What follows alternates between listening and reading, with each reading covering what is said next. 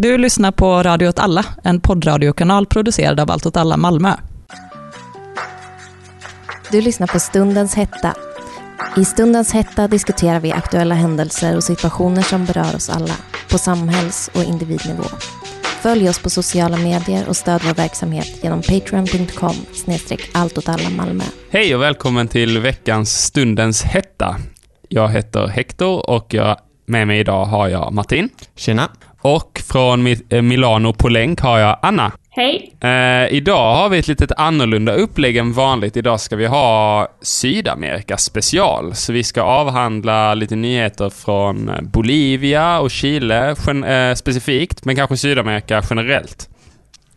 Tänkte bara börja med att prata lite om veckan som har gått och lite snabba nyheter från den. Och då det, har det varit mycket nyheter kopplat till covid-19 och vad man kallar för den andra vågen då som tycks sprida sig över stora delar av världen. Eh, man har sett nya restriktioner i många länder i Europa, som stora kraftiga restriktioner i Frankrike med ny lockdown, nya restriktioner i Tyskland bland annat, men också eh, tillfälligt skärpta råd och rekommendationer i Sverige. Tidigare så var det skärpta råd i Uppsala, men nu så har det skärpts i regionerna Skåne, Västra Götaland, Östergötland och Stockholms län.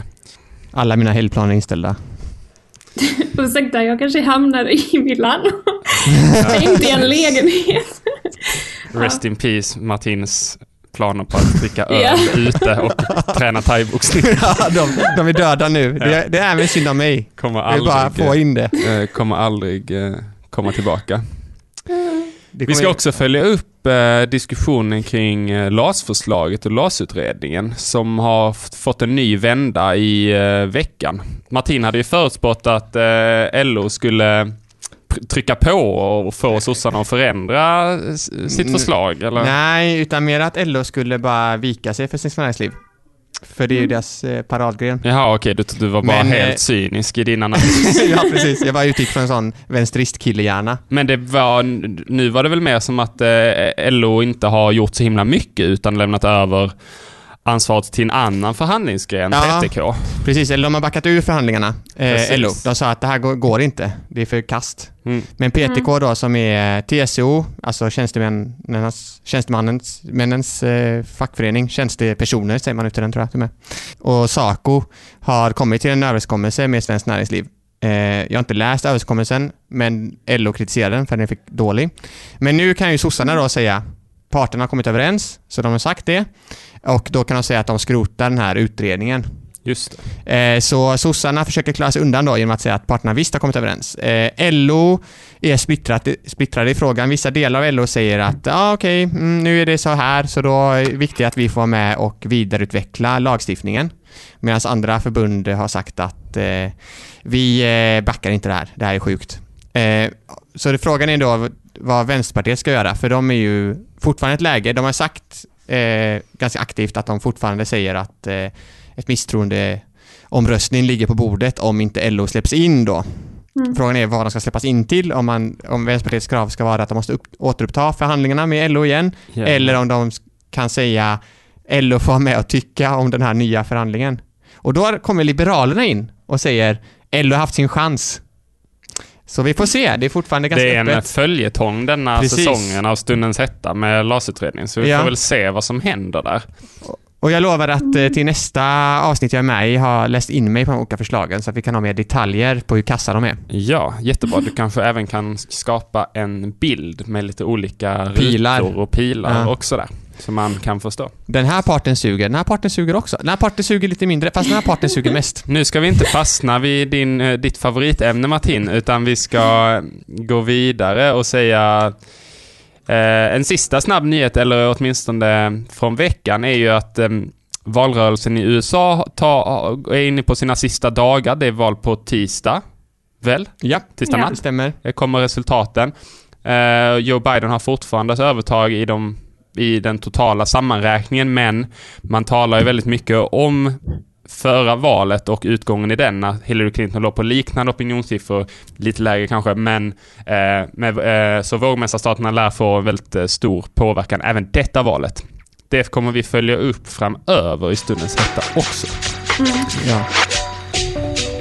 Men idag, som sagt, Sydamerika special. Och ska vi börja med när jag pratade om covid-19-läget här i Europa. Men hur ser covid-19-läget ut i Sydamerika?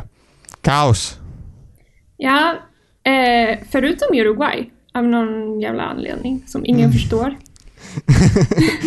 Ja, det såg ju ganska bra ut i Argentina ett tag, men eh, det har lite, pengarna tog slut och eftersom Argentinas befolkning är ganska beroende av serviceyrken så kan man ju tänka sig att folk har börjat jobba igen. Ja. Eh, och i Brasilien är det fortsatt också Brasilien är ett av de Ja. länderna med, med väldigt snabb eh, Ja. utveckling och väldigt hög eh, död, död, dödstal. Även Mexiko, det ligger kanske inte i Sydamerika, men eh, Nej, precis. är också ett, ja, Men det här är ju som en background drop till händelseutvecklingen kan väl säga. Precis, Mm. för vad är det vi igen, var, varför, är, varför har, väljer vi att ha en Sydamerika special just denna veckan? Vad är det som har hänt de senaste veckorna i då främst Bolivia och Chile som är intressant att ta upp här? Vi ska ta Bolivia och Chile för att det är kanske det som är hett nu. Men, men som också kanske representerar lite andra processer som har pågått lite längre. Mm. Eh, Så vi ska prata om Bolivia och Chile men också i en större kontext av hela regionen. Kontexten är ju så här att på 1970-talet var en hel del militära diktaturer runt omkring i Sydamerika. Eh, vi har ju det kändaste exemplet i Sverige, Pinochets regim i Chile. Eh, Sen hade vi Videla i Argentina, vi hade något i Uruguay också. Och, sådär. Men, eh, och efter militärjuntornas fall i slutet av 70-talet, de flesta fallen i Chile höll på längre, ända fram till 90-talets början. Ja, 80-talet. Ja. Ja. Eh, Så eh, infördes det i många länder en ganska nyliberal politik. Eh, Alltså att man sålde ut stora delar av industrin. Medelklassen fick mer kontanter som var lånade från IMF, alltså Valutabanken, Internationella monetära Valutafonden.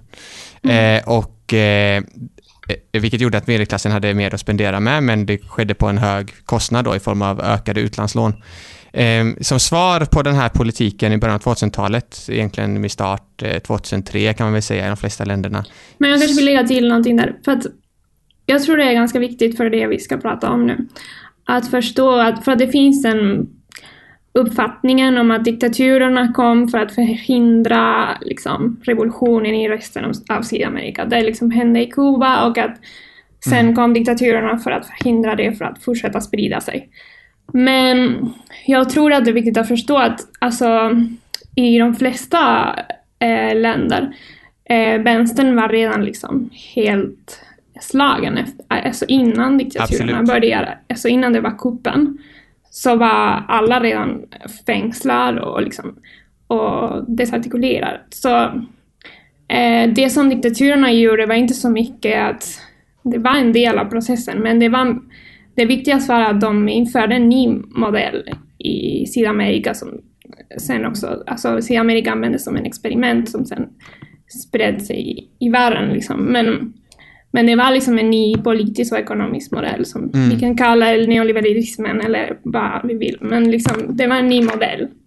Mm, att de här militärdiktaturerna var egentligen en omstrukturering från liksom en tidigare period av eh, nationaliseringar, omfördelningspolitik i många regimer utifrån någon form Ja. av allmän nationalistisk vänsterpolitik. Ja. Men att militärregimerna innebar ett brott i det. Men 2003 så skedde det i Argentina har vi ju decemberupproret 2001 till exempel. I Bolivia har vi gaskriget 2003. Vi har eh, Chavez i Venezuela. Vi har Lula i Brasilien. Och alla de här regimerna som uppkom då eh, var ju ett svar på den politiken som hade förts av militärdiktaturerna. Så en, en del var ju att man då gjorde om den ekonomiska politiken och en annan del var ofta att man försökte, eh, till exempel Argentina eh, så, och Uruguay så hade man ju lagstiftning som sa att man inte kunde döma folk för brott under militärdiktaturerna. Och sådana Mm. lagstiftningar upplöste man. Eh, men man införde också en hel del sociala reformer. Ja. Eh, och det var liksom som en våg över hela Sydamerika. Man skapade ett transnationellt nätverk mellan de här länderna för att, för, för att liksom bli en stark ekonomisk kraft gentemot USA. Eh, och det landet som finns kvar egentligen, om vi bortser från katastrofen som är i Venezuela, så är det ju Bolivia egentligen. Ja. Kan man säga att det var en vänsterriktning som skedde då eh, med början 2001 då i Argentina och Ja, så kanske Ja, absolut. Alltså typ en, en partipolitisk vänster Ja. Och att det var liksom, det är viktigt också att tänka att det här var en vänster som kom från liksom den vänstern från diktaturen. Liksom. Alltså det, Mm. att den, ben- det är samma ledare, det är samma personer, samma strukturer Ja. eh, som eh, liksom fick Det, makten. det, är väl, det är väl så både, både i Uruguay och Argentina att många som är typ kända statsgrillor sitter idag på olika eller satt, Ja. idag, är satt på olika tjänstemannauppdrag och sånt. De blir ju ganska belönade av de här nya regimerna. Liksom. Mm. Dilma. Rousseff var också fängslad, diktaturen och sådär. Så- Ernesto Kirchner var ju med i Monteneros och Mm. presidenten i Uruguay var ju med i Tupac Amaros som var den stora statsgrillan i, i, Ja. i Uruguay. Tupamaros. Men, och då har, eh, i Bolivia så har vi en situation då där eh, Morales får makten.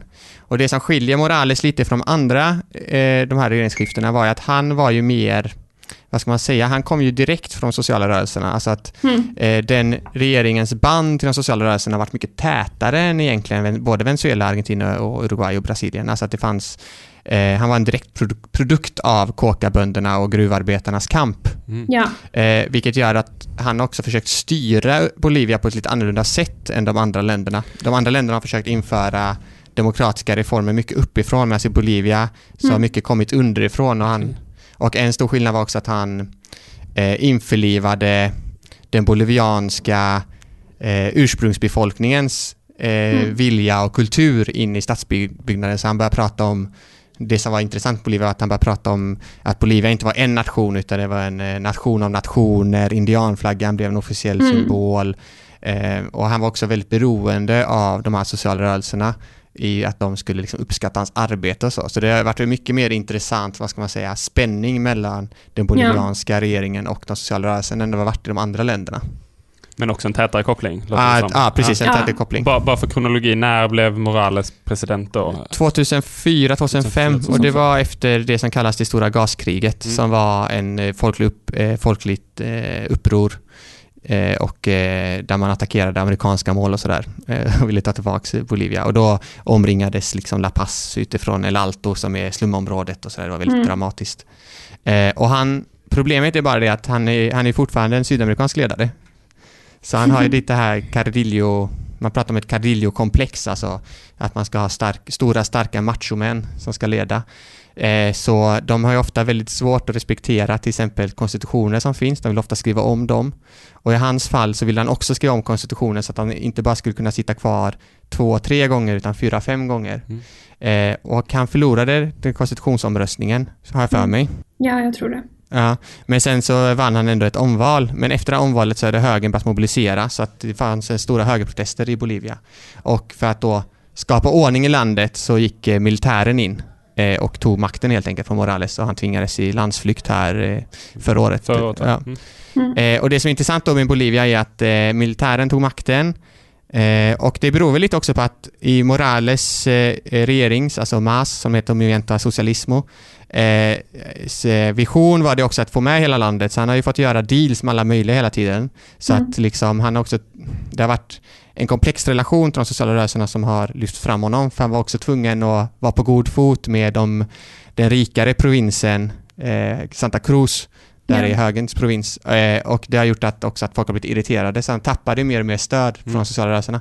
Men Mm. trots detta så, eh, så hade militären då, militärregimen, högerregimen, ett omval nu och då vann Morales en jordskredsseger, eller Movimiento Socialismo. Och att det här också hän- händer mitt i liksom en slags högerbåg med Bolsonaro i Brasilien och det, har haft Macri i Argentina, även om han inte längre är där. Men alla de här eh, vänsterregeringar eh, förlorar mycket legitimitet de senaste typ fem år.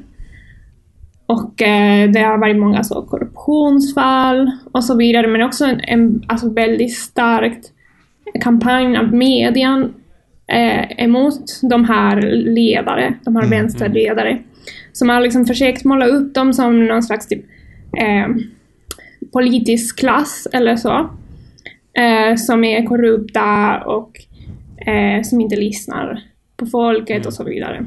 Och där har det varit mycket alltså, helt löjliga grejer. Som typ eh, med Morales när eh, militärerna tog honom.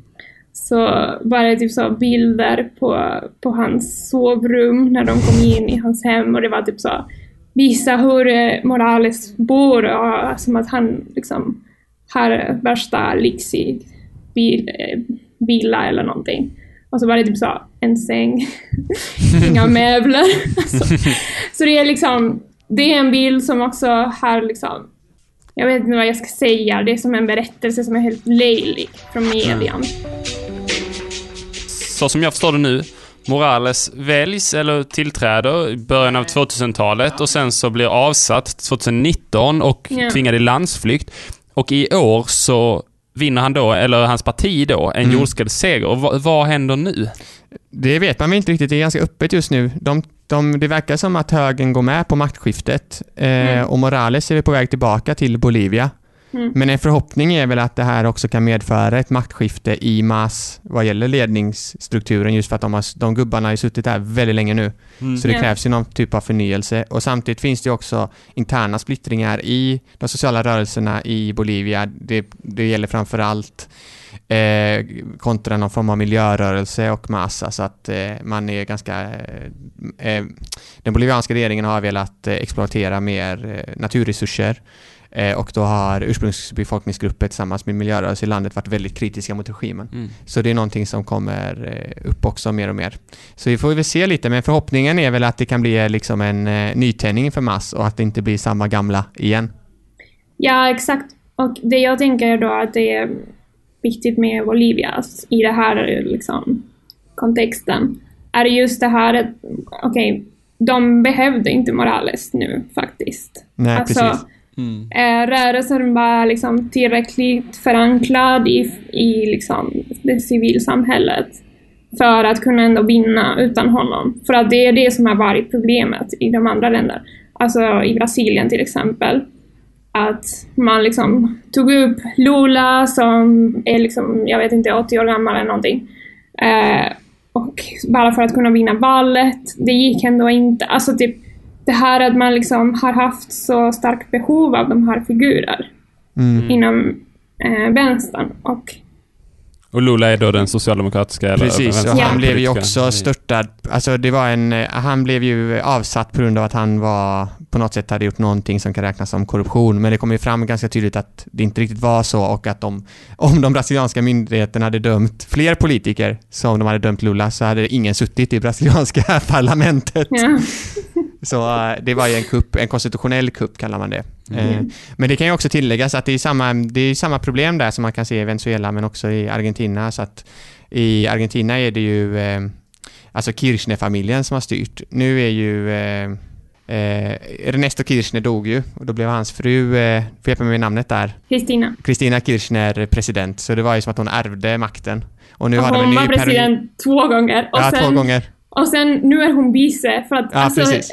Eh, de liksom behöver de här figurerna. Det är, det är samma sak i Uruguay. Ja. Eh, där man har liksom eh, Mujica kan inte bli president igen, så de tar honom i valkampanjen och han måste vara där någonstans och säga någonting för att annars är det som att de kan inte liksom legitimera processen. I Chile förra året eh, så började de stora protester eh, som börjar med studenterna som eh, protesterade att eh, transportbiljetterna hade blivit dyrare och eh, de började eh, i en, en av de stora gymnasieskolor som har haft en väldigt så, eh, aktiv politisk aktivism. Eh, och sen de här liksom, protesterna bara började sprida sig i typ en månad och det blev väldigt stort. Eh, Eh, det blev att aktivisterna liksom tog en, en torg som är en av de stora torgen i Santiago, i huvudstaden i Chile. Det var ett stort problem för att de här protesterna har inte varit förankrade i en rörelse eller figur eller parti eller någonting. Så regeringen hade liksom ingen att förhandla med. Och eh, det de gjorde var bara liksom att förvärra situationen genom att Mm. ta ut militärerna, polisen etc. Och det här har pågått i månader. Alltså vi, har, vi har liksom slutat höra om det i nyheterna men det har liksom fortsatt. Men eh, det stora krav från eh, den här rörelsen har varit att ändra grundlaget. För att Mm. grundlaget i Chile är samma från eh, Pinochets eh, tid. Just Och här är också viktigt att komma ihåg en sak, just kring, det här är väldigt nördigt, men, men kring Chiles eh, byråkrati och grundlag jämfört med andra länderna i Sydamerika. I Sydamerika har ofta en ganska politiskt tillsatt byråkrati och konstitution. Alltså det vill säga, vid varje val egentligen så byts alla funktioner ut Ja. på alla nivåer. Men alltså, under Pinochet så införde man en, men lite som man kanske har i Sverige, en opolitisk byråkrati. Och det här, den opolitiska byråkratin medför ju också att man följer konstitutionen och konstitutionen är skriven på ett sätt som ska liksom se till så att eh, nyliberal politik är vägledande för de besluten som byråkratin tar. Eh, och i Chile, till skillnad från de andra länderna, har man ju aldrig riktigt gjort upp med Pinochet-tiden eftersom Mm. dels så höll det ju på så länge. Chile har länge varit ett exempel på en lyckad ekonomi i Sydamerika. Eh, och det som har hänt under de senaste åren är ju att levnadskostnaderna har blivit allt högre i Chile. Ja. Och att liksom det här ekonomiska miraklet har mer och mer börjat spricka i sin fasad. Ja, och det, alltså, det som eh, diktaturen verkligen lyckades i, i Chile var att liksom fragmentera samhället väldigt mycket. Och de har liksom inga riktiga fack eller så. Alla, alla organisationer i Chile är väldigt splittrade. Eh, det, kan, det kan vara så att i eh, samma eh, område eller så, så finns det typ eh, 15 olika organisationer som liksom tävlar mot samma liksom, resurser. Och, alltså, Det finns liksom ingen kollektiv i det.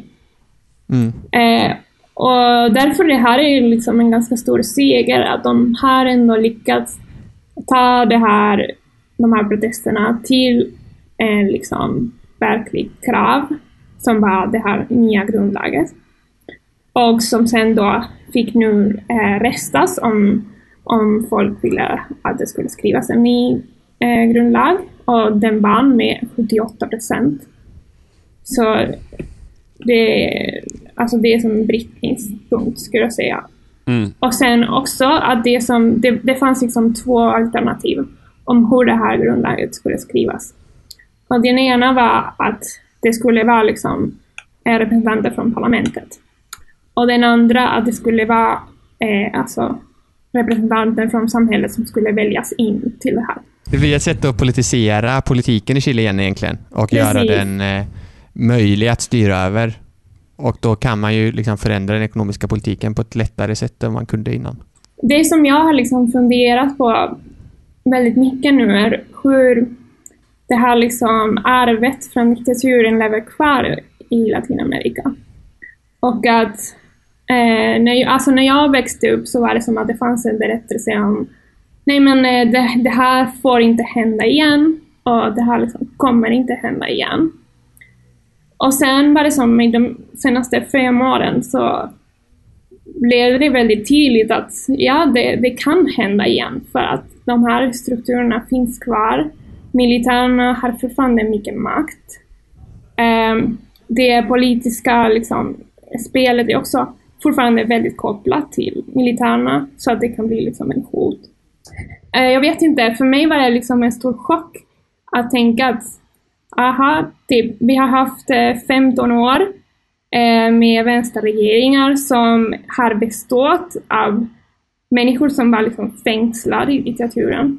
Och de har liksom inte lyckats eh, döma de här personerna, de har inte lyckats eh, ta alltså, deras influens i... Nej. Alltså, det är också... Det är samma människor, det är också det. Det är, det är samma personer som är typ 80 år och är på ena sidan och den andra. Eh, och eh, det, det har liksom inte funnits en liksom generationsskift heller.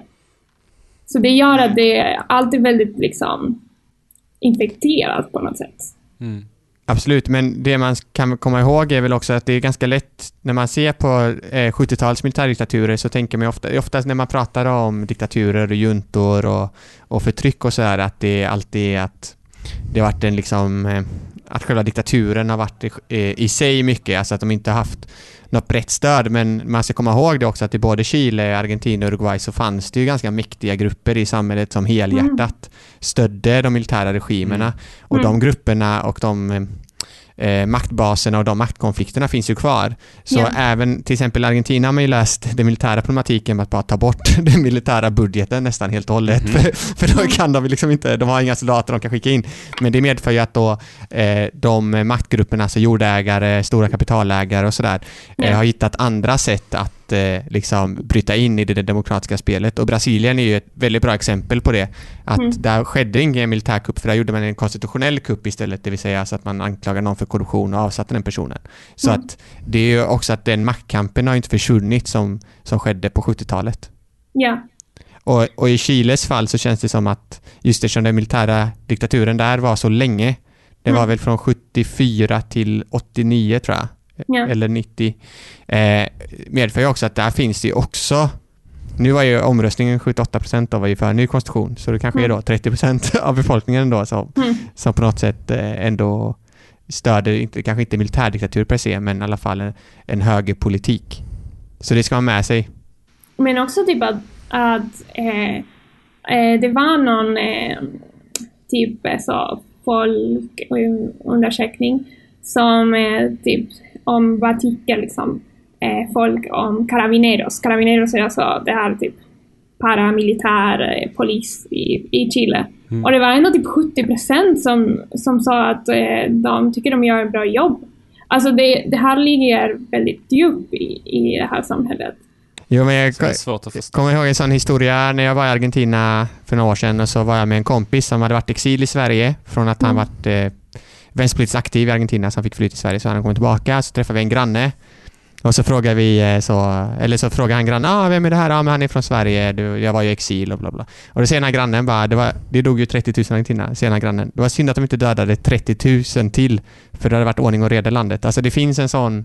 Ja, ja. liksom strömning som är, som, som är ganska stark med. Mm. Alltså diktaturen lyckades ändå liksom skilja Mm. på liksom det som händer i regeringen och liksom det som händer på gatorna eller så. Att folk är Mm. verkligen inte representerade. Och därför så tror jag att det, det här liksom retoriken om det här liksom politisk klass eller så i, har ändå liksom en, en viss sanning. Och Mm. och det är därför också den, den har lyckats göra, alltså ta, ta bort de här vänsterregeringarna. För att eh, alla, liksom, alla verktyg som eh, de här partierna hade innan för att liksom, koppla till territorium och, och till människor på ett helt, helt annat sätt är borta och Mm. används inte. Man kan väl nästan säga att det har varit lite av en högerpopulistisk våg i Sydamerika. Mm. Bara att den har Ja. skett liksom uppifrån snarare än underifrån. Ja. Om man tittar på de två exemplen, eller mot bakgrund av exemplet i Bolivia och i Chile, hur tänker man framöver kring utvecklingen i, i regionen? jag är, jag är liksom lite hoppfull i att jag tror Chile är väldigt viktigt för regionen. Så för det, det har blivit liksom modellen som, som alla har följt. Och, och nu har den här liksom, modellen har verkligen tappat legitimitet och Chile är en väldigt stor kris, alltså ekonomisk kris. Eh, Covid har också hittat eh, hårt där och sen också den här politiska krisen som är kvar. Så jag tror att om Chile kan bli liksom en modell igen, men för någonting annat, Mm. eh, så hade det varit väldigt bra för regionen. Men då måste de liksom hitta strukturer för att göra en process som är riktigt demokratisk och som, så att man inte hamnar igen i liksom det här eh, partipolitiken Mm. som har inte lyckats liksom representera dem. Vilket jag tror de kommer inte göra. Bara för att det, man ser tydligt att det är två parallella världar och som Mm. kan inte mättas nu. Det är inte en ny politisk klass som, som bara tar form. Nej. Och jag, också för att det vilar på de här de här studenterna som liksom, de här in, de är inte de här vänster eh, personer som har liksom samma idéer sedan 70-talet. Nej, precis. Det är det som är det intressanta både med Bolivia och Chile. Det är ju att de, de rörelserna som finns där, som är radikala och som agerar, de är liksom inte uppbundna som i Argentina och till viss del Uruguay till ett gammalt system av fackföreningar, bostadsorganisation, Mm. organisering och sådär, utan att det är, Mm. det är något radikalare som sker på sidan och det är ju alltid peppande. Är det Ja. din, eh, din hoppfulla take, Martin? Det är min hoppfulla take. Ja.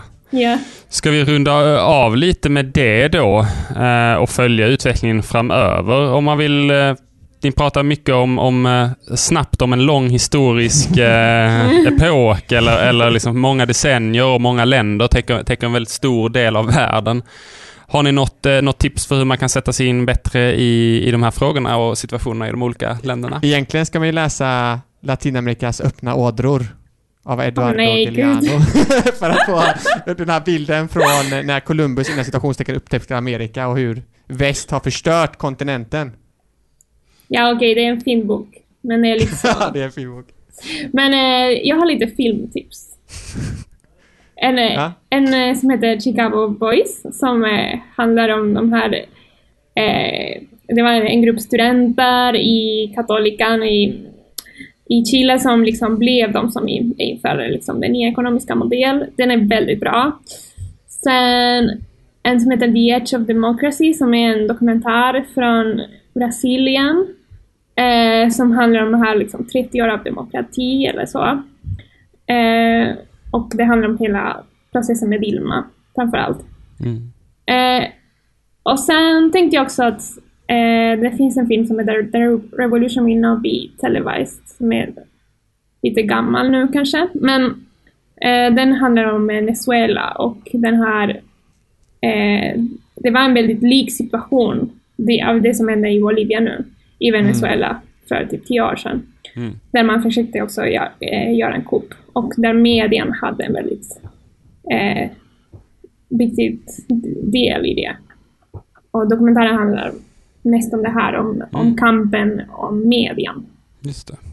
Spännande. Jag ser Martin att du har varit inne och Jag har hittat, ja, jag har också två tips här. gått in på Mhm. lite bokhemsidor här under tiden vi har spelat in. Du har något eh, boktips på gång? Ja, jag har ett tips som är en svensk eh, serietecknare som heter Fabian Göransson som skrev en serie som heter Gaskriget från 2006. Där han bland annat är i Bolivia men också i Argentina. Eh, det fångar liksom lite den eh, samtiden där runt 2001-2003 och vad som hände i världen. Men Mm. sen också vill jag alltid slå ett slag för en politisk favoritgrupp från Argentina som heter Colectivo Situaciones och de har skrivit en bok som heter No- Notes for a New Social Protagonism som handlar om eh, eh, decemberupproret 2001 och vad som hände efteråt och om de nya rörelserna som uppkom med det i Argentina. Så Mm. att om man är intresserad av dels läsa serier men också lite eh, delusiansk politisk teori fast eh, liksom förankrad i någon form av verklighet så kan jag rekommendera de två sakerna. Om man tyckte att den sista boken var intressant när man har läst den så tror jag även att du har varit med i ett poddavsnitt. Ja, det har jag också. I systerpodden A- Apans anatomi. Ja, det. Som man också kan lyssna in sig på. Mm. Ja men superintressant, superintressant att få era tankar och sätta sig in lite mer i situationen i Sydamerika. Det verkar som det händer väldigt mycket och vi kommer nog behöva återkomma till det här en och annan gång för att följa upp. Och, och sen kan man ju tillägga också att det har hänt så jävla mycket den här veckan. Så vi Ja. har så många Ja. spår nu. Vi har eh, stora protester i Polen, vi Mm. har kravaller mot corona i... mot corona? Men mot eh, regeringens restriktioner i Italien. Italien. Det händer väldigt mycket just nu, så det är väldigt intressanta tider. Mm. Verkligen. Och eh, nästa vecka lär ju bli minst lika intressant. Ja, då ska det ju vara USA-valsspecial. Precis. Men eh, då gör vi väl som så att vi tackar för den här veckan så mycket. Eh, och tack för att ni har lyssnat och ta hand om er i dessa tider. Tack och hej. Hej då! Hälsa Milano. Hälsa Milano ja. Följ oss på sociala medier och stöd vår verksamhet genom patreon.com snedstreck allt åt alla Malmö.